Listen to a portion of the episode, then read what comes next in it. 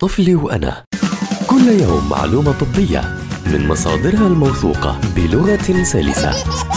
طفلي وأنا عبر أجيال مع أخصائية الأطفال وحديثي الولادة سما برغوثي.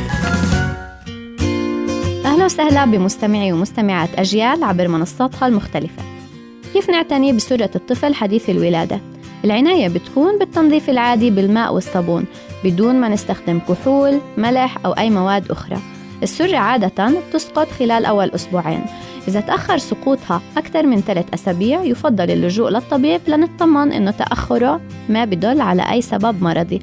بالإضافة إذا شفنا في إفرازات صفراء ريحتها مش حلوة أو في نزيف مستمر من السرة أو صار في إحمرار وانتفاخ بمكانها أو كل ما مسكناها ببكي الطفل كأنه موجوع منها هاي كلها أمور بتستدعي أنه نروح للطبيب حتى يطمن على الطفل.